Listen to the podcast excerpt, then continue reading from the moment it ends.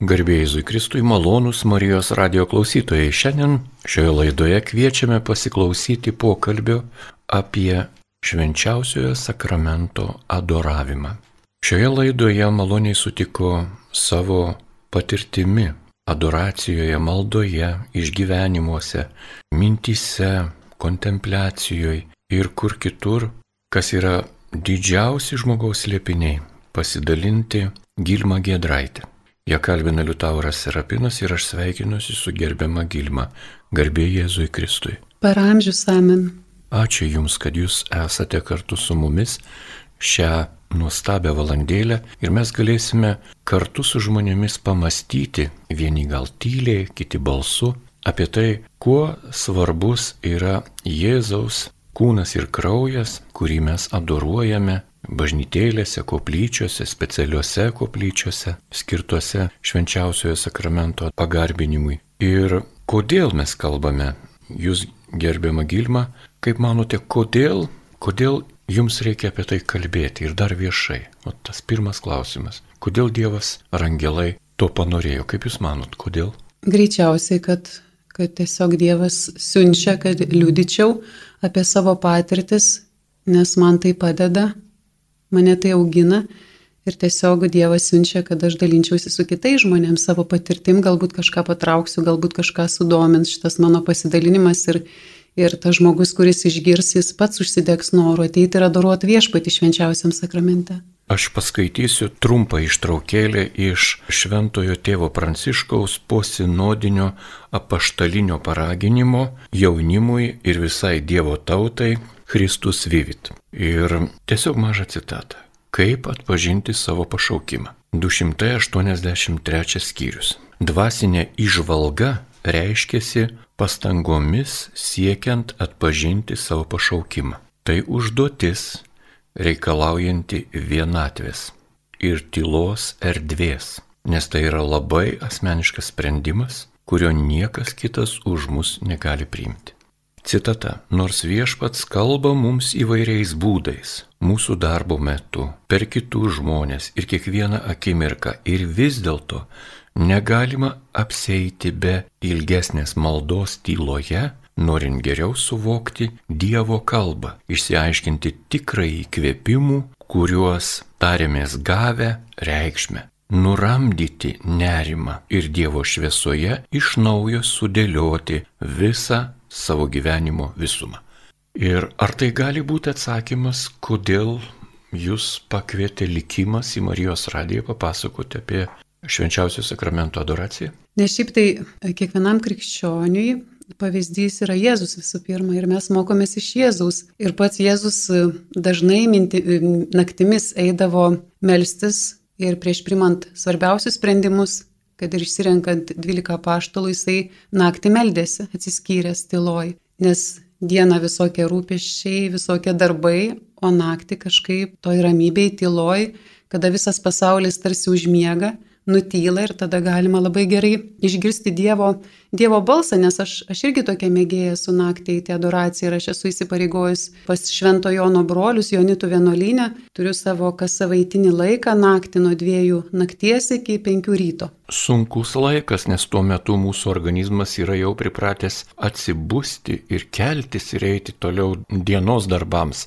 visokiems darbams, ir fiziniai sunkiems darbams, ir psichologiškai tokiems giliems darbams, ir protiškai, na, tokiems alinantiems darbams. O jūs tuo metu tik iš adoracijos einate miegoti, taip? Taip, dažniausiai taip. Bet aš dar prieš tai truputėlį pamiegu, nes, nes kitaip, kiek esu bandžius, tiesiog jau atidirbau tokį modelį, kad aš bent kelias valandas, bent vieną valandą truputėlį atsigulti, ten išeina užmygti, ne, neišeina, bet kažkaip nors truputėlį palsėti, nes, nes kitaip tas laikas yra toks labai mygdantis ir, ir labai sunku išbūti budriai.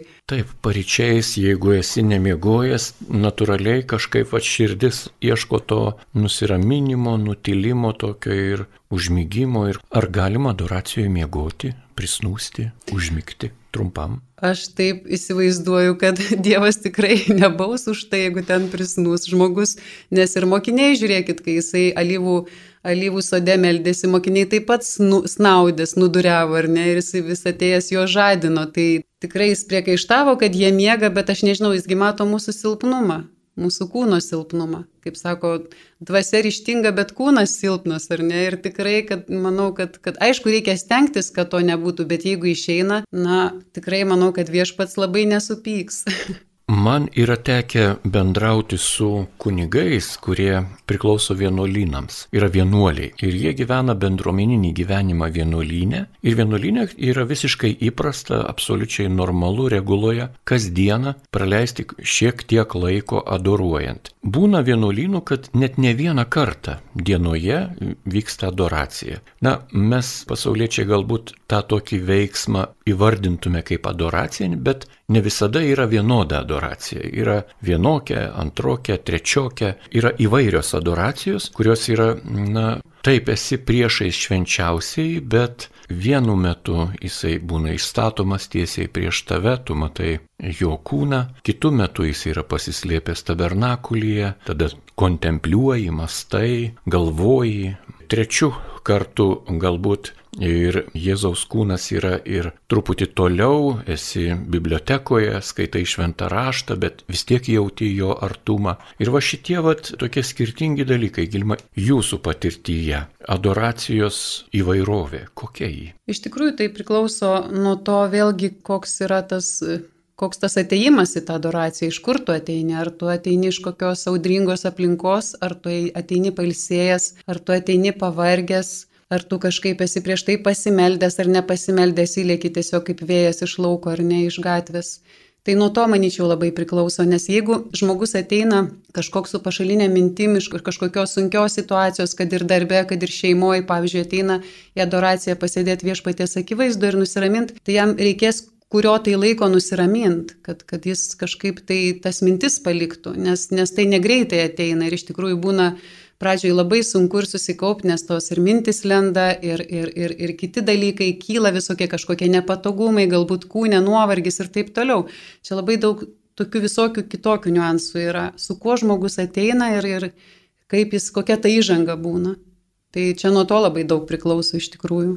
Manau, kad didelės paslapties neišduosiu, jeigu truputį pasakysiu apie savo patirtį adoracijoje, nes adoracija vis tiek yra slėpinys. Mes visko kas ten vyksta, niekada, kol esame čia gyvi, nesuprasime. Mes galime apčiuopti, galime kažką nujausti, galime kažką labai ryškiai suprasti ir matyti, bet tai nebus visa. Ir man yra tekę patirti tokį pokalbį su dvasios tėvu, kai jisai sužinojo, jog adoracijos metu aš labai daug melžiuosi. Na, varau be sustojimo, kaip garvežys, nu kaip tu gali to nedaryti. Taigi mano dvasios tėvas, sužinojęs, kad aš labai daug melžiuosi, nes iš tikrųjų gera proga pasakyti Dievui, juk viską gera proga. Jis va čia prieš tave, tai ką?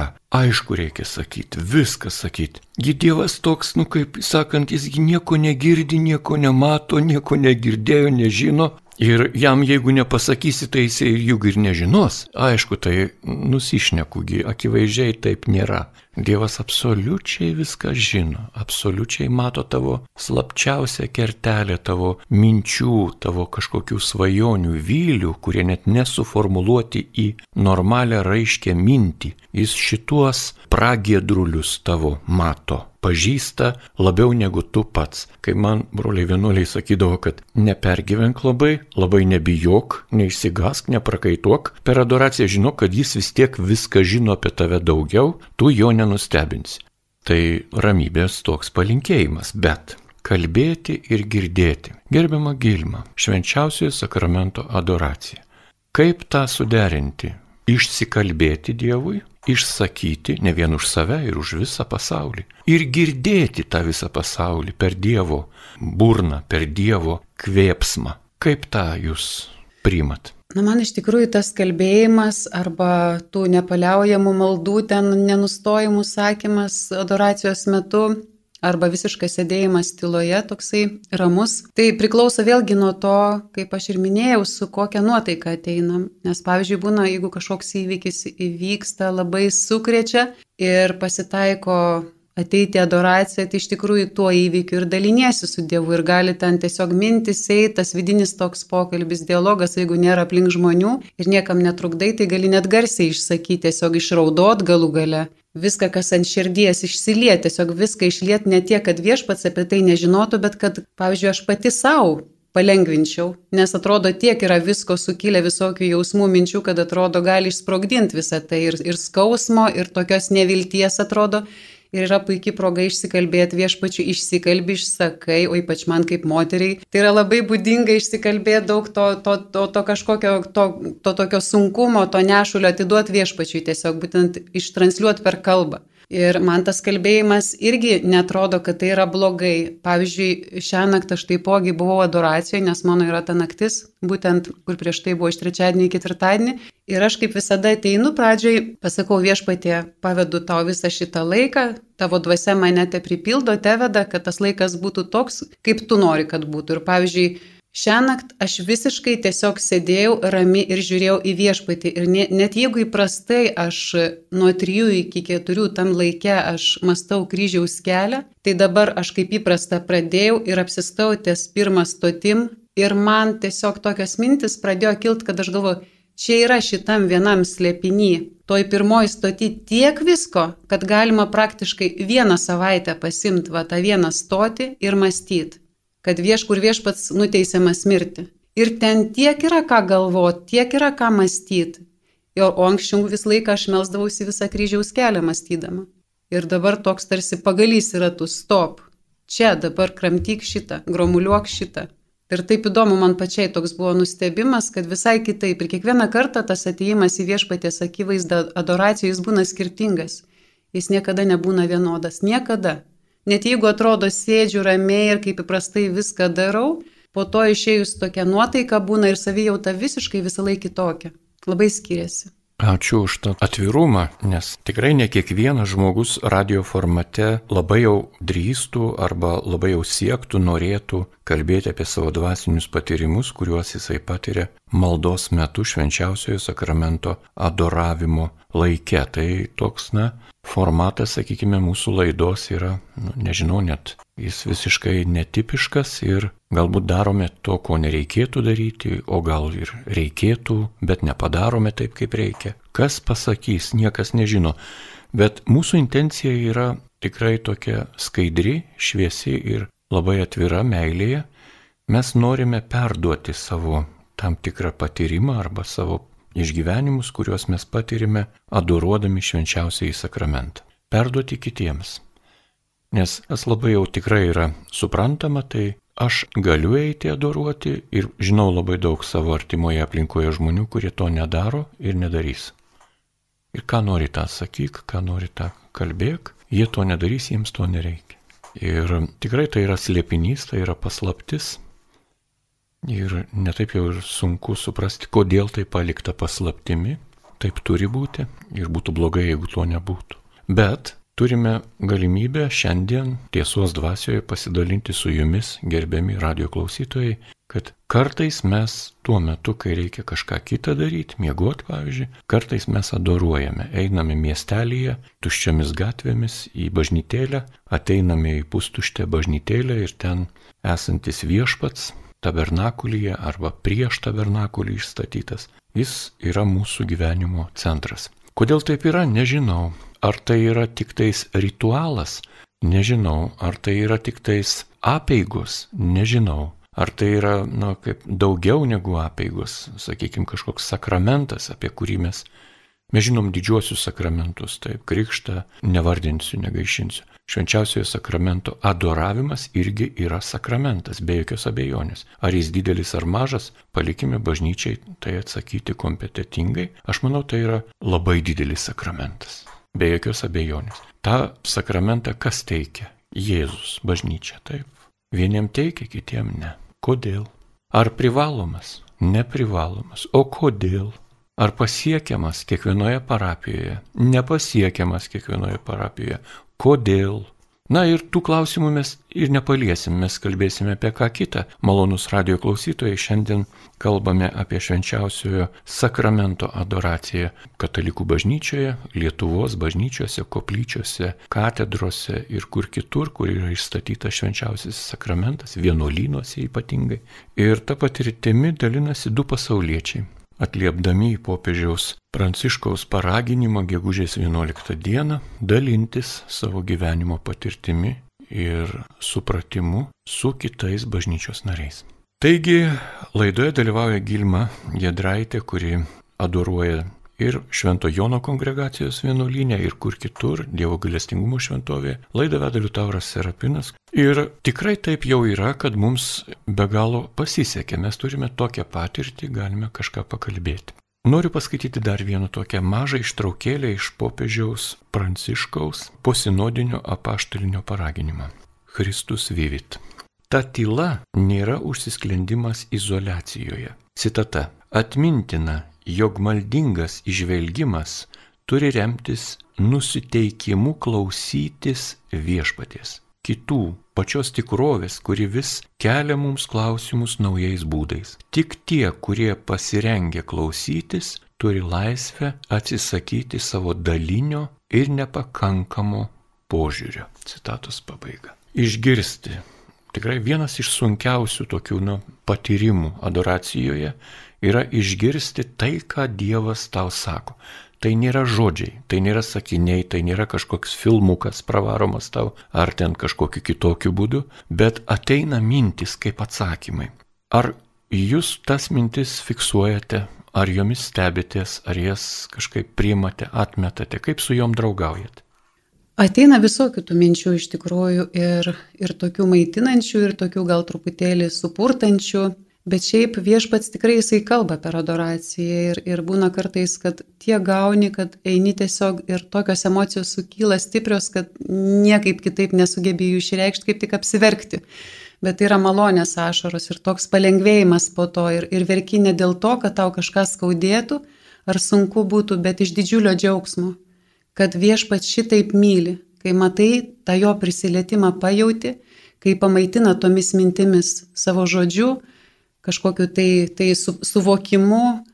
Labai įvairiai jisai kalba iš tikrųjų, gal duoda tą tokią širdies ramybę, jeigu ateini visas toks supurtytas, su nerimu, su neviltim, su sunkumu ir išeini po adoracijos ir jauti, kad, kad nebėra to, kad atneši visą tą šlamštą, su kuriuo ateini visą tą, tą tamsų debesį ir palieki prie viešpaties, o išsineši ramybę, kurią jis ir pažadėjo, štai aš jums duodu ramybę, ne tą ramybę, kurią duoda pasaulis. Ir jisai būtent po kiekvienos adoracijos išeini apdovanotas ramybė. Daugiau ar mažiau tau jos reikia, bet visada išeini su ramybė. Ir man ypatingai, kai aš mėgstu fotografuoti, kažkaip fiksuoti gamtą, tą gamtos grožį, kažkaip labai paštrėja žvilgsnis. Labai, labai matau visai kitaip kūrinyje visą. Ir tas sugebėjimas džiaugtis, grožėtis Dievo kūrinyje ir dėkoti už viską. Ir norisi viską užfiksuoti, kad paskui tarsi kokius kaip dienoraštį išsitrauki ir džiaugiesi tom nuotraukom ir su kitais daliniesi. Ir matau, kad ir kitiem tai patinka, ir kiti džiaugiasi, ir grožisi. Ir toks vad dalinimasis tiesiog to atrodo be žodžių tiesiog, kad ir per grožį, užfiksuota per aplinką. Tai tikrai yra toks, tok, toks turtas, tas, tas toks patyrimas, tas toks, tokia, tokia dovana, sakyčiau, iš viešpaties ramybė ir tas grožio matymas, jo kūrinijos toks garbinimas jį, tai yra jo, jo garbinimas per kūrinyje, kūrinyjoje pastebėjimas. Gerai, ar galime dar truputį grįžti prie maldos adoracijos metu? Kokios tai maldos? Ar jūs naudojate švento rašto skaitinius iš Biblijos, ar jūs naudojate kažkokias specialias maldas, esat pamėgtas, pasiruošusi, ar spontaniškai melžiatės, ar žodis, malda, tekstas adoracijoje, kiek jis jums yra na, reikalingas ir kaip reikalingas, kaip dažnai? Ne šiaip aišku, man adoracijai labiausiai tinkama malda yra vainikėlis gailestingumo, nes aukoju tau, mėliausiojo tavo sunaus, mūsų viešpaties Jėzaus Kristaus kūną ir kraują, o ten ir yra kūnas, viešpats ir yra, jo, tai yra jo, jo kūnas. Šitą maldą dažniausiai, nes, kaip sakiau, naktį, kai aš adoruoju Švento Jono brolius, tai būtent yra ta gailestingumo valanda tik naktinis variantas, ar ne? Tai aš tada arba kryžiaus kelią mastau, tarp stočių įterpdama gailestingumo vainikėlio, vainikėlio dešimtuką ir taip melžiuosi, mastau tą kryžiaus kelią. Arba tiesiog, kaip sakau, šią naktį sustojau ties, ties pirmą stotim ir viskas. Ir, ir šiaip šita adoracija buvo tokia visiškai tokioj ramybėj, nuščiuvime, be maldų, be žodžių, tiesiog buvimas jo akivaizdoj. Tas kaip, kaip būna, kaip pavyzdžiui, tikrai su geru draugu būni, kada nebūtinai kalbėti ar škėt, bet gali tiesiog šalia būti ir tylėti. Ir tai vyksta, ta bendrystė tokia per tylą. Tiesiog buvimas šalia, buvimas vienas kito akivaizdoj. Tai taip ir su viešpačiu. Na, o kiek maždaug laiko skiriate jūs ir kokia būtų rekomendacija, pavyzdžiui, žmogui, kuris norėtų po šitos laidos pabandyti vat, užbėgti į bažnyčią ir pabūti toje šventoje erdvėje, kur Jėzus išstatytas vyksta švenčiausiojo sakramento adoracija. Galima ir šventosios Faustinos dienoraščio žodžiais, kaip Jėzus e, Faustinai sakė, kad nors trumpam užbėgti koplyčią, pagarbinti mane, ar ne, žiūrint, kiek žmogus laiko turi. Bet šiaip tai manyčiau, kad e, teisingiausia, bent jau man taip atrodo, kad viską pavest viešpačiui. Tik ateini ir iš karto pasakai, viešpatie, va tau šitas laikas skirtas, tu per mintis mane kažkaip vesk, įkvėp, ką aš turiu melstis, ką daryti, tiesiog kaip būti va, tam laikė. Ir, ir viešpats tikrai jisai kažkaip įkvepia. Kaip tu turi tai daryti, kokias maldas melstis, ar tyloj būti, kiek laiko, Aišku, dar priklauso nuo to, kiek mes jo turim, su kiek, su kiek to limito ateinam. Bet iš tikrųjų geriausia tai yra viešpačiui pavesti, jisai jau žino, jisai tikrai žmogų pakreips. Toks nuolankumas, tarsi viešpaties valiai atsidavimas.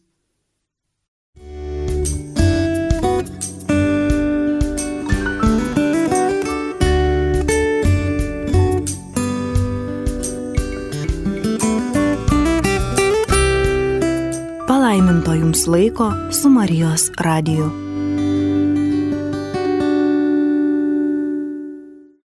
Malonus radio klausytojai, jūs girdite laidą, kurioje apie švenčiausiai sakramentą, jo adoravimą, adoraciją dalinasi pasauliečiai Gilma Gedraitė ir Liutauras Serapinas.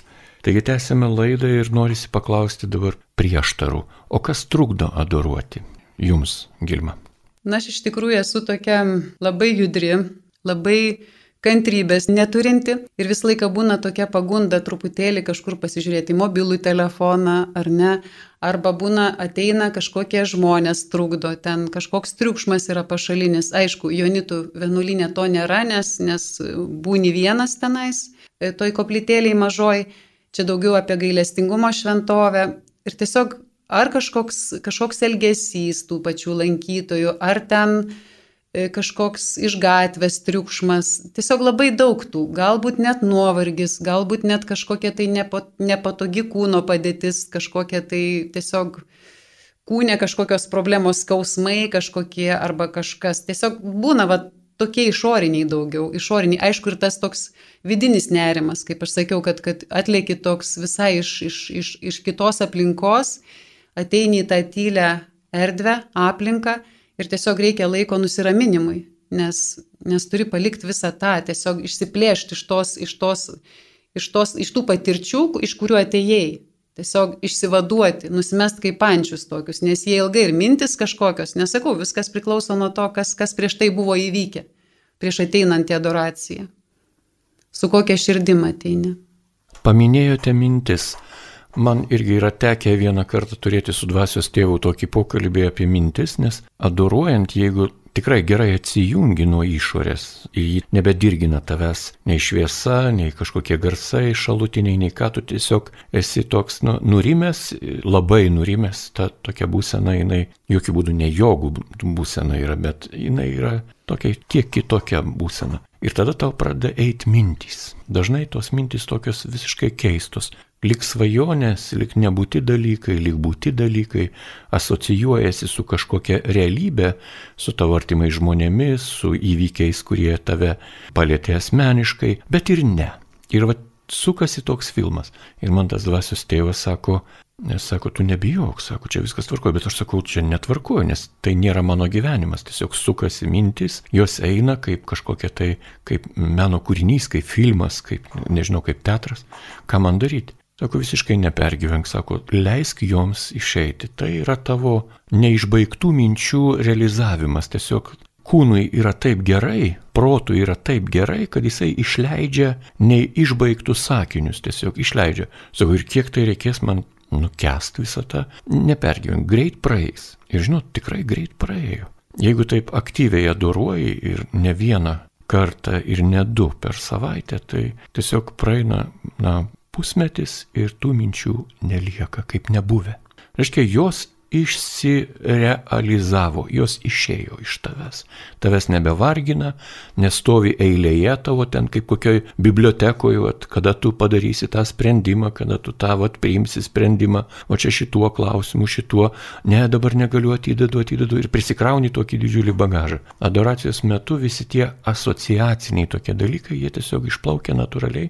Taip, jie suvalgo adoracijos laiką, bet kažkas įvyksta perkeitimas kažkoks yra. Ir čia ne ezoterika, čia yra labai normalūs, kasdieniai vienuolyno gyventojų patyrimai. Ačiū Dievui, kad jie dalinasi tie vienuolynai su mumis pasauliečiais tokiais patyrimais ir mums atsako į kai kurios tokius klausimus, kurių atsakymą surasti nėra taip jau lengva ir paprasta. Taigi adoracija. Kas trukdo dar adoruoti? Kaip savo silpnumą priimti adoracijos metu. Silpnumą fizinį, kad esi pavargęs, kad galbūt e, tuo metu smingi tiesiog tiek miego nori, arba skauda koją, ausį, ranką, blogai jautiesi, silpnas, kraujospūdis pakilęs. Na, kaip jūs tai pakeliat? Aš tiesiog suprantu, kad viešpats jisai supranta mane ir aš, aš sakau, va viešpatė atėjau tokia, va tokia kokia esu. Va taip, kaip jaučiuosi su tokia nuotaika, kažkokia ar pikta, ar, ar pavargus, ar nepatenkinta, ar nusivylus, va tokia esu, va ir, ir, ir esu tiesiog tavo akivaizdoj. Ir sėdžiu, ir sėdėsiu, kiek reikės. Ir dažniausiai pasėdžiu, kiek, po kiek laiko praeina tas, tas nuovargis ir, ir tas, tas pyktis ir ta neviltis, ta tamsa pasitraukia. Ir paskui išeinu kažkokią nuramintą ir tiesiog labiau save priimanti, nekaltinanti, kad va, aš tokia nepasiruošus, galbūt atėjau, gal aš čia tokia apsileidus, tikrai išeinu nesu kaltinimu, nors galbūt ateinu tikrai su kaltinimu. Sėdžiu ir galvoju, ką aš čia darau, kokias čia nesąmonės, bet paskui nusiraminu, viešpatė, bet tugi, nu, tugi matai, aš atėjau Atėjau tokia, kokia esu ir, ir reikia tą savo silpnumą priimti ir neplakti savęs už tai ir nebijoti vien dėl to, kad čia mane kažkokios mintis puola arba čia aš užmiegu. Aišku, jeigu ten žmogus jau užmygęs knarkia, ir dar kitus ten garsus kažkokius leidžia, nedaug dievė būna ir tokių, tai geriau tada tą žmogų pažadint, bet, bet jeigu tikrai labai dažnai tai kartojasi, tai nežinau, kažkaip žmogui reikia kažkokius sprendimus priimti, ar pamiegot prieš tai, kažkaip ar dieną ateit geriau, ne naktį ten kankinti ir kitus varginti savo tokiu vat, buvimu ir, ir tiesiog, kad, kad nei pats adoruoja, nei kitiem leidžia. Nu tiesiog čia reikia labai asmeniškai kiekvienam pasvarstyti, ar to reikia kad va aš noriu čia naktį, nes naktį vos ne čia kažkokią tai auką darau, o gal ta tavo auka kitam pagalius yra tuskiša ir kitiems trukdo susikaupti. Tai va reikia irgi tokių nesavanaudžių būti, kad aš čia va toks svarbus ir mano čia ta adoracija ir mano ta, ta, tie nuopelnai už tą adoraciją kažkokie tai ypatingi, o galbūt broliui seseriai ten visai ten kaip kenkiu, net kaip kenkėjas ateinu. Tai irgi labai reikia to nuolankumo tokio ir geriausiai su kokiu patyrusiu dvasininku pasikalbėti, o ne pačiam savo kažkaip nuspręsti, va aš taip noriu, nes aš taip noriu. Taip, labai tiksliai jūs, gal kai kurie klausytojai gali pagalvoti, kad mes čia ironizuojam arba šaržuojam šitą situaciją, darom tokį, nu kaip ir lengvo stiliaus pokalbį. Ne, tai yra labai rimti dalykai ir iš tikrųjų tas kitas žmogus šalia esantis, kuris bebūtų, ar mūsų namuose, ar mūsų šeimoje, ar jisai būtų mokslo suolė, ar darbovietėje, ar gatvėje, ar kieme, ar darže, ar net poilsėje prie jūros, tas kitas žmogus vis tiek jisai tave veikia. Nori ar nenori. Daug tų kelių yra pasirinkti, kaip bendrauti, kaip sugyventi su tuo žmogum. Ir taip natūraliai tiesiog, gerbimo Gilmai, prieėmė prie klausimo, o adoracija pavieniui ir adoracija su bendruomenė. Kaip jūs tą dalyką matote, kas jums labiau prie širdies vienai adoruoti, ar su kitais, tyloje, ar su giesmėm, maldom bendrom? Aš sakyčiau, kad reikia įvairias patirtis išbandyti. Ir man, pavyzdžiui, asmeniškai labiau patinka naktį ir vienai, bet kai aš esu su bendruomenė, aš gaunu tam tikrų išbandymų ir aš tada tose išbandymuose stiprėju. Aš patiriu kažkokį nepasitenkinimą, sakysim, pasipiktinimą kažkokiu broliu ar seserim, kurie adoruoja toj pačioj aplinkoj ir kaip aš reaguoju. Ar aš, vat, kaip prieš tai jūs sakėt, kad čia mes ne, nešaržuojam, ne, nesityčiojam, neapkalbam ir nesipiktinam, bet iš tikrųjų kaip aš tvarkausi su tuo, kaip aš priimu kitą, koks jis bebūtų, kitą kartą tie trukdžiai yra net, net naudingi tokie, kad dar labiau priartintų prie viešpaties, kad aš matydamas savo tą nepasitenkinimą, pykti kažkokį tai įsiuti, sakyčiau viešpatė, o kas čia vyksta su manim ir ką aš turiu su tuo daryti. Nes tų situacijų per gyvenimą būna įvairių ir, pavyzdžiui, va, tos patirtis adoracijai, kad aš patyrus tą savo neįgalumą tokį, tą savo pyktį, kuris man irgi kelia diskomfortą, aš tariuosi su viešpačiu, konsultuojuosi, ką man daryti, jeigu aš gyvenime, pavyzdžiui, susitiksiu kitą žmogų, galbūt ne adoracijoje, gatvėje, kažkokioje sunkioje situacijoje, kaip man elgtis. Ir aš manau, kad tai yra labai vertingos pamokos tam tikrais momentais. Aišku, nereikia specialiai ieškotų išbandymų, jie patys atsiranda tada, kada reikia, bet svarbiausia nekovot pačiai, kaip aš tokią patirtį ne vieną esu turėjus, bet iškart su viešpačiu tartis ir kviesti viešpatį į tą sunkę situaciją, į tą santyki, į tą kažkokį vidinį konfliktą, kuris ateina, tą dirginimą, kuris ateina iš išorės ir sukelia manyje audrą. Tai vad būtent viską pavest viešpačiui, kad viešpats būtų net tokiuose atrodo smulkiuose dalykuose, kur, kur, kur nežinai kaip elgtis, Tiesiog, kad viešpats būtų tikrai va, tas, ta, ta kelrodė žvaigždė, ar ne tas mokytojas, kaip, ką daryti, kad jis būtų centras viso ko, kad jį kreipčiau mintis ir prašyčiau patarimo, kad jis mane mokytų, ugdytų ir vestų per tą situaciją. Aš taip dabar klausiausi jūsų ir įsivaizduoju, sakykime, žmogų, kuris šiuo metu stovi kokiai nors eilėje, įsijungia savo telefoną, įsikišia sausinuką į ausį ir klausosi ir galvoja, kokias mes čia kalbam pasakas, na, Dievą girdėti ir taip toliau. Kaip tu gali absoliutų tokį gėrį, grožį, absoliutų dalyką girdėti, būdamas pats dulkelė ir taip toliau. Ir Žinot, tikrai tie tokie maksi milžiniški dydžiai, suvokimai ir mini tie tokie formų pasireiškimai kaip žmogus, kaip individas asmuo, randa, randa tarpusavio ryšį. Na, mes gal naudojam tos tokius įprastus žodžius kaip draugystė, kaip pokalbis, bet tai yra ryšys, tai yra ryšys. Ir tikrai Dievas turi ryšį su savo kūriniu, kuris vadinasi žmonija tikrai Dievas turi ryšį, jis negali jo neturėti. Kūrinys taip kartais klaidžioja, jisai kartais užmiršta apie Dievo tam tikrus uždavinius duotus ar kažkokias tai misijas ar tai dar kažką, nueina savo kažkokiu keliu, kurį vadiname klystkeliu ir dar panašiai. Čia nemoralizuoju, tiesiog kalbu apie tai, kaip tam klausytojui, kuris netyčia yra įsijungęs radio bangą Marijos radio stoties ir dabar klausosi va šitokio teksto ir jis yra neįvesdintas į tikėjimą arba yra kitoks žmogus, na ir visiškai geras žmogus, normaliai, viskas čia gerai. Kaip jam tą priminti? Ir aš vat, galvoju, galvoju, galvoju, vat, pateiksiu pavyzdį tokį. Kartą aš kalbėjau su paprasta tokia kaimo moterimi, katalikė, į nelabai lietuvę, iš to krašto, kur žmonės susimaišė. Ir jinai sako, žinot, nu, aš melžiuosi adoracijos metu ir aš Dievui, pavyzdžiui, pasakau, kad sergu.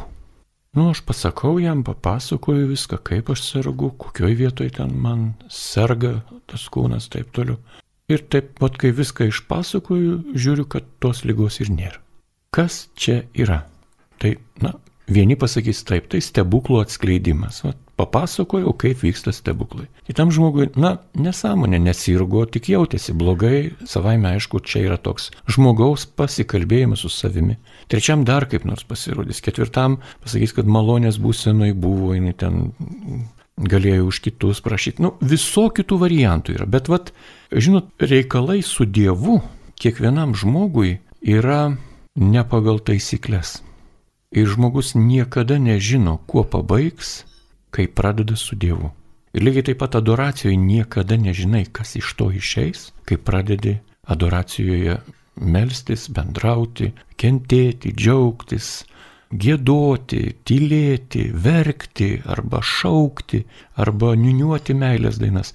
Tu nežinai, kuo pabaigsi, nes tai dėja pranoksta mūsų bet kokį iš ankstinį įsivaizdavimą, supratimą, pajutimą, patirtį, žinojimą. Kodėl taip yra? Todėl, kad taip turi būti, kitaip negali būti. Mes nesame užbaigtiniai. Ta prasme, va, toks esu, tai jau ir viskas tok. Ne, esame neužbaigti, nuolat keičiamės, nuolat augame, nuolat einame kažkur. Vieni eina į tas gelmes, kuriuose bando surasti Dievą, bando pasikalbėti su tuo, kuris yra visako priežastis ir pradžia, tavo kuriejas. Kiti atvirkščiai bėga nuo savo priežasties, savo kuriejų. Pažiūrėkite, kas Vilniuje darosi naktimis, čia kai baigėsi tos visos karantino sąlygos. Taigi užė visas miestas kaip pavilys, pilnos gatvės kėdžių, stalų, jaunimas, vyresnis sėdi, kažką jie ten bendrauja. Yra gyvenimas. Tai tas gyvenimas yra toks. Bet ir taip pat yra gyvenimas ir bažnyčiose, kur prie uždarytų durų, už tų durų vyksta irgi galingas didelis gyvenimas. Ir šiandien apie tai mes kalbame su Gilma Gedraitė, Marijos radio laidų nuolatinė dalyve, ją kalbina Liutauras Serapinas ir kalbame apie švenčiausiojo sakramento adoraciją. Dar keletą minčių. Ar adoracija keičia jūsų gyvenimą. Gyvenimas tai ne vien jūs, bet ir jūsų aplinka. Tai ne vien šiandieną, bet ir rytojus. Užduosiu dar sunkesnį klausimą. Ar adoracija keičia tai, ko negalima pakeisti? Jūsų praeitį. Netgi labai, netgi labai keičia. Ir tai yra, aišku, aš, aš tarnauju tokioj programai kelionė, kur yra vidinio išgydymo ir išlaisvinimo. Ir visa tai, manau, yra kaip, kaip tokia nu, kaip mozaika susideda, kad viskas Dievas per visur veikia ir per tas tarnystės, ir per tas programas, ir per adoraciją, ir per, per mišes, per maldas jis visur veikia. Ir aš manau, kad tikrai keičia ir kaip, kaip daugelis turbūt esam girdėję, kaip sakoma, kad pasikeisk pats ir pasaulis pasikeis, ar ne? Nu, kad ta prasme, visų pirma, mes negalim pakeisti pasaulio, bet mes galim pakeisti savo požiūrį į pasaulį ir mes turim ginklą maldą, turim galingą draugą, kuris yra viso pasaulio kuriejas ir mes galim su tais dalykais, kurie mums yra, atrodo, neįveikiami ir nepakeičiami, eiti pas jį ir visiškai atsiduoti jo valiai su visų savo silpnumu, neįgalumu. Ir viešpats jis po truputėlį keičia, jisai galbūt vieniems labai staigų stebuklą padaro, kaip tai moteriškiai, kur jūs minėjot, kur kalba apie savo skausmą kažkokį arba lygą ir viešpats palengvina ir praeina o gali kitiems nepatraukti to skaudulio, to dieglio kaip šventajame paštului Pauliui, tiesiog, kad nepasiduotume į puikybę, kad va čia aš toks šaunus, aš čia nusipelniau. Visa, ką mes gaunam, tai yra Dievo malonė. Ir iš Dievo, ir iš tikrųjų jisai keičia. Ir pavyzdžiui, aš atsigręždama atgal į savo atsivertimo pradžią ir tą laiką iki atsivertimo, kaip aš gyvenau ir kokia aš buvau, vis, aš visiškai matau, kad aš esu naujas žmogus Va tas, ką, ką ir šventajame rašte rašoma, kad tiesiog viešpats daro iš manęs naują žmogų, kaip sako, štai aš darau visą naują. Ir iš tikrųjų, pavyzdžiui, man toj programui ten ir, ir, ir kolegoms mano, tarnystės draugams, tenka labai atvirai liudyti apie savo praeitį ir ta praeitis būna baisi daugumos ir tokia turtinga tikrai nešlovingom patirtim.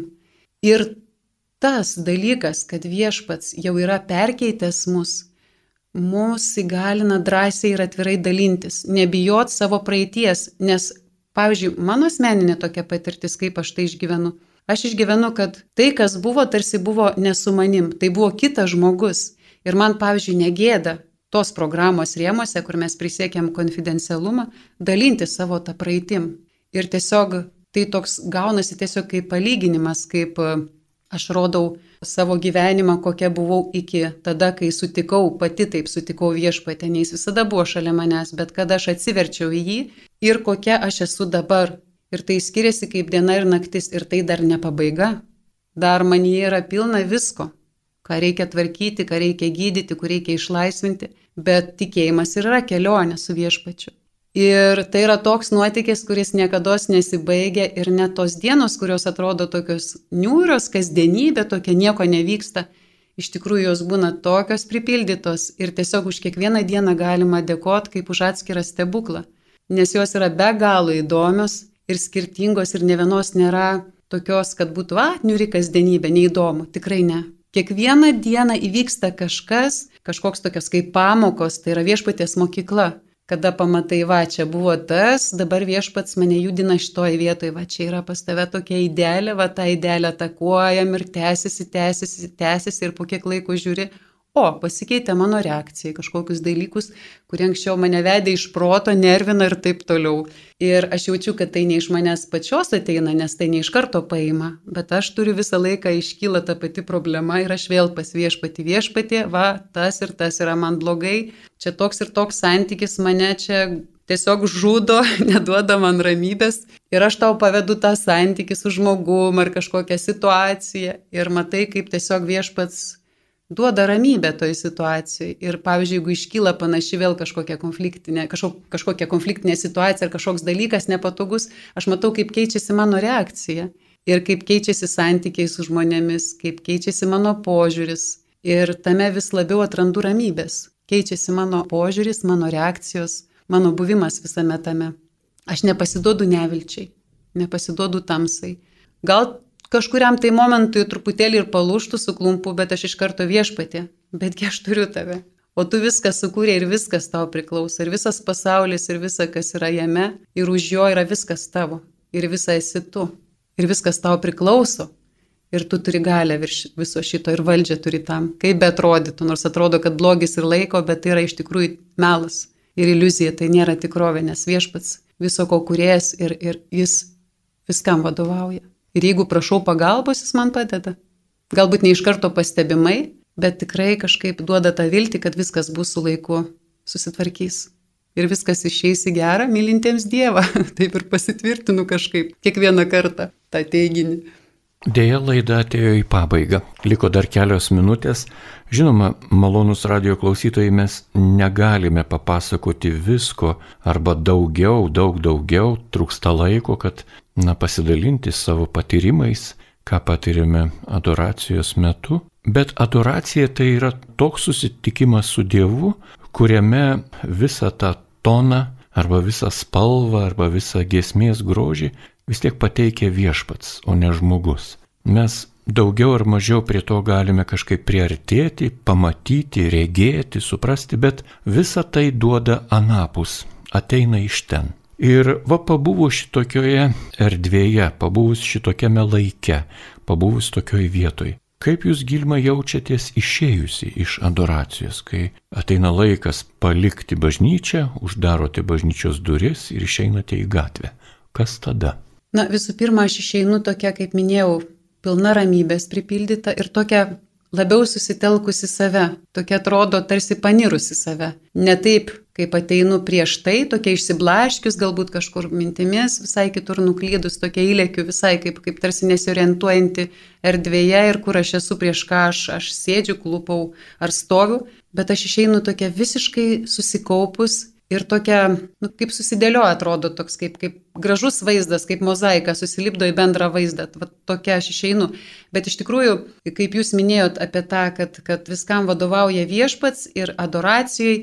Ir iš tikrųjų, aš rekomenduočiau kitiems, nes aš ir pati taip darau, aš prieėjau prie to, kad kiekvieną rytą vos tik pramerkus akis ir prieš einant miegoti, viską reikia dar ir dar kartą atiduoti viešpačiui, pasikviesti viešpatį, kad e, jisai vadovautų tai mūsų kasdienybėje. Aš paukoju jam savo dienotvarkę, paukoju savo kūną ir sielą, dar įvardinu ten akis, rankas, ausis, ten burną, liežuvį, protą, širdį, viską atiduodu jam kojas, rankas, ten visus žmonės, su kuriais susitinku, santykius visus pavedu visus, visus, visus dalykus, kurie tą dieną bus. Ir tada aš turiu tokią ramybę, nežinau, kad aš viską paukojau viešpačiui. Ir aišku, susidėlioja ir ta diena, kaip sviestų viskas būna patepta. Taip gražiai sugula ir net jeigu ta dienotvarkė atrodo tokia labai sunki, sudėtinga ir visko pripildyta, perkrauta net, kažkaip viskas taip gražiai sugula, kad tiesiog, nu taip sklandžiai labai vyksta. Ir nėra to streso kažkokio, bet vos tik aš pamirštu, atrodo, oi, jau įsipyniau kažkur, įsisukau, tada iš karto prisimenu, kad, a, pamiršau pasimelst. Ir vėl viską viešpučiui čia ir dabar pavedu, nesvarbu, kad aš ten pamiršau. Galiu iš karto ir ten jau įpusėjus dienai. Niekada nevėlu viską atiduoti viešpačiui.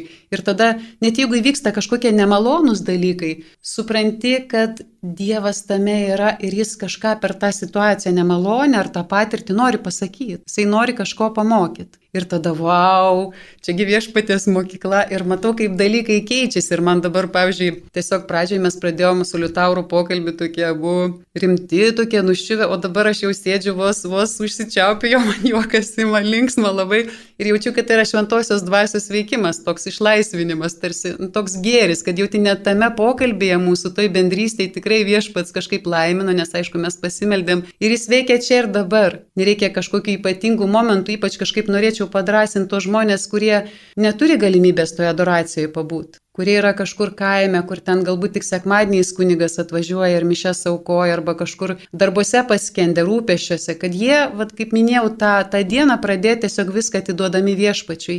Ir dvasia viešpatės jinai yra visur.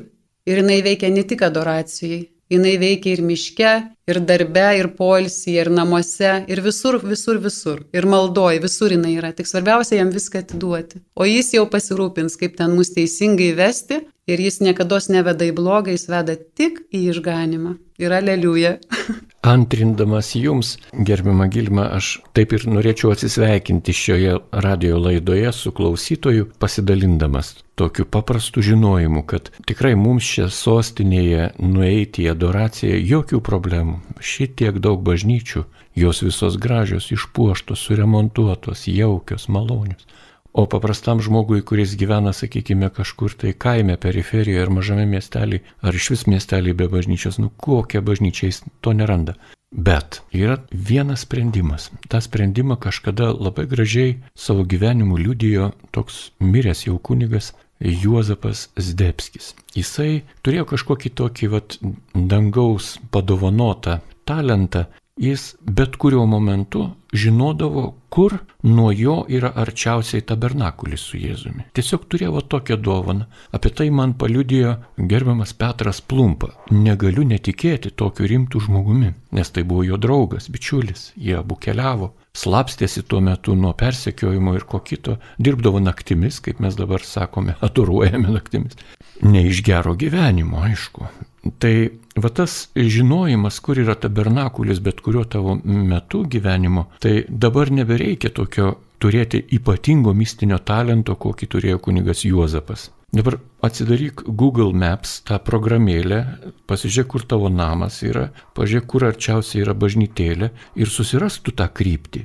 Ir būk ramus iš savo namų, iš savo salono, ar tai virtuvėlės, ar tai net koridoriuko, ar ten jeigu namuose visi baras ir taip toliau išeik į kiemą, atsisės ant suoliuko, nukreipk savo žvilgsnį tą kryptimį, kur arčiausiai tabernakulis.